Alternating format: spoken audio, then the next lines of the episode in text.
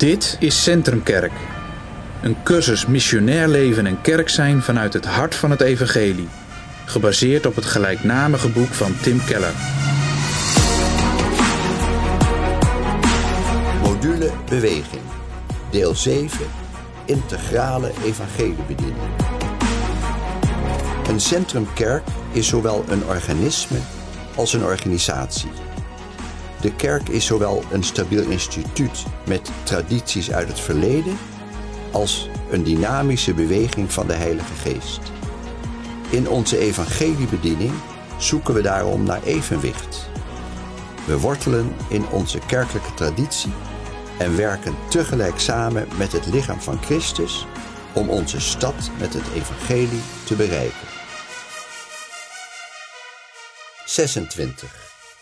Mensen verbinden met de cultuur. In een steeds meer seculiere en postchristelijke cultuur zijn gelovigen het gewoon gaan vinden om hun geloof te scheiden van de manier waarop ze hun werk doen. Anderen praten wel openlijk over hun geloof, maar laten hun manier van kunst maken, zaken doen, besturen of onderwijzen niet bewust vormen door het evangelie.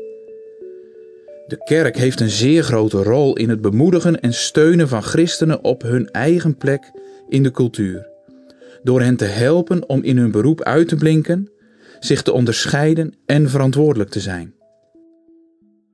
Wereldwijd zien we een vorm van dualisme waarin we de kerk en haar activiteiten als goed en rein zien en de seculiere wereld als slecht en onrein. Het christelijk geloof wordt gezien als een individuele bron van geestelijke vrede en kracht en niet als een allesomvattende interpretatie van de werkelijkheid die alles wat we doen doortrekt. In de theologische visie van Centrumkerk staat het evangelie centraal en vormt het de basis voor zowel de evangeliebediening als de omgang met de cultuur. Niet alleen het wetticisme moet bestreden worden, ook het dualisme want van wetticisme komt dualisme. Want als mensen het evangelie van de genade niet begrijpen, zullen ze ertoe neigen een fariseese obsessie te ontwikkelen wat betreft rituele reinheid en zuiverheid. Als we geloven dat we gered worden doordat we een rein en goed leven leiden, blijven we binnen de veilige muren van de kerk en vinden we het prima dat we niet om hoeven te gaan met niet-gelovigen en hun denkbeelden want die omgang vinden we vaak moeilijk en bedreigend. Het tegenovergestelde van het dualisme is een christelijke wereldbeschouwing. Het christelijk geloof heeft een eigen visie op de aard van de mens, goed en kwaad, gerechtigheid, schoonheid, zingeving, wetenschap, technologie en werk. Volgens de Bijbel is alles wat wij doen belangrijk voor God, dus ook ons wereldse werk. Andersom geldt ook dat God belangrijk is voor alles wat wij doen. We geloven dat het evangelie onze motivatie bepaalt, onze manier van doen en de keuze voor methodes op het werk. We willen dat christenen groeien in hun geloof en verantwoordelijkheid, zodat ze hun werk heel goed en heel christelijk kunnen doen. Op welke manieren beïnvloedt het evangelie ons werk? Op tenminste vier manieren. 1. Het geloof verandert onze motivatie voor het werk. Ons zelfbeeld en onze identiteit hoeven we niet aan geld of succes te ontlenen. We doen ons werk als voor de Heer. Colossense 3 vers 23. 2. Het geloof verandert onze kijk op het werk. Zelfs het simpelste of saaiste werk kunnen we zien als een manier om God te dienen en de menselijke maatschappij op te bouwen. 3. Het geloof geeft christenen een hoge werkethiek. Het evangelie en de genade moeten ertoe leiden dat christenen zeer integer leven. 4. Het geloof helpt ons de manier waarop we werken te hervormen. Een christelijk wereldbeeld geeft gelovigen handvatten om de manieren van denken en doen die in hun vak overheersen te interpreteren, te vernieuwen en uiteindelijk te hervormen. Wat is hierin de rol van de kerk? We willen ons niet simpelweg tegen de cultuur afzetten en er ook niet in opgaan, maar ons juist inzetten om de cultuur te vernieuwen. We willen onze leden leren hoe ze in de wereld kunnen werken vanuit een christelijke wereldbeschouwing. De kerk moet de mensen met betrekking tot hun werk op drie specifieke gebieden helpen.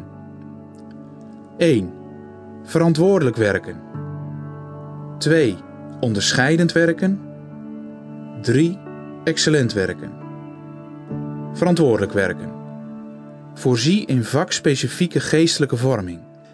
Elk beroep kent zijn eigen geestelijke en morele vraagstukken en ethische dilemma's, verzoekingen, tegenvallers en andere vragen die juist voor christenen in dat beroep lastig zijn. Christenen met hetzelfde beroep moeten elkaar steunen en de weg wijzen. Dat kan bijvoorbeeld via vakspecifieke kringen. Christenen met hetzelfde beroep komen samen om elkaar geestelijk bij te staan en toe te rusten. Onderscheidend werken. Hoe kunnen we herkenbaar zijn als we minder uitgesproken christelijke dingen doen in de cultuur of op ons vakgebied? Als we als kerk geloven dat Jezus Heer is over heel ons leven, moeten we onze leden trainen om daarvan te getuigen. Daarvoor heb je leergroepen nodig. In die leergroepen komen oudere, ervaren christenen en jonge, pas beginnende christenen in een vakgebied samen met theologisch geschoolde leraren om te spreken over de volgende drie vragen. Wat doe je op je werk dat voortkomt uit de algemene genade? Dat werk kun je blijven doen. Welk onderdeel van je werk is niet in overeenstemming met het evangelie? Dat moet je afwijzen. Welke dingen op je werk zijn neutraal en kun je aanpassen of herzien? 3. Excellent werken. Christenen moeten elkaar ook helpen om uit te blinken op hun werk en om ijverig en innovatief te zijn. Twee veelgemaakte fouten. Christenen maken regelmatig twee tegenovergestelde fouten in reactie op de afgoden binnen hun vakgebied. De ene fout is dat ze hun geloof gescheiden houden van hun werk en dezelfde waarden en normen hanteren als ieder ander. De andere fout is dat ze luid en onhandig laten weten dat ze christen zijn, maar geen genade en wijsheid tonen in de manier waarop ze met hun collega's omgaan. Een belangrijk aspect van integrale evangeliebediening door de kerk is om gelovigen te helpen bij het doordenken van de implicaties van het evangelie voor kunst, zaken, bestuur, media, entertainment en wetenschappelijk werk. Als christenen hun werk zeer goed en herkenbaar als christen doen, zal uiteindelijk de cultuur om ons heen veranderen. Moeten christenen bijdragen aan het vormen van de cultuur? Ze kunnen zich daar onmogelijk aan onttrekken. Neem de middeleeuwse monniken als voorbeeld, die het heidense Europa introkken en academies, universiteiten en ziekenhuizen stichten. Ze transformeerden de plaatselijke economie en zorgden via die nieuwe instituten voor de zwakken. Ze waren er niet op uit om de heidense cultuur te overheersen. Ze lieten het evangelie bepalen hoe ze hun werk gingen doen, wat betekende dat ze zich meer voor anderen inzetten dan voor zichzelf. Vandaag moeten christenen ernaar streven een even dynamische gemeenschap te vormen die hetzelfde resultaat zal hebben.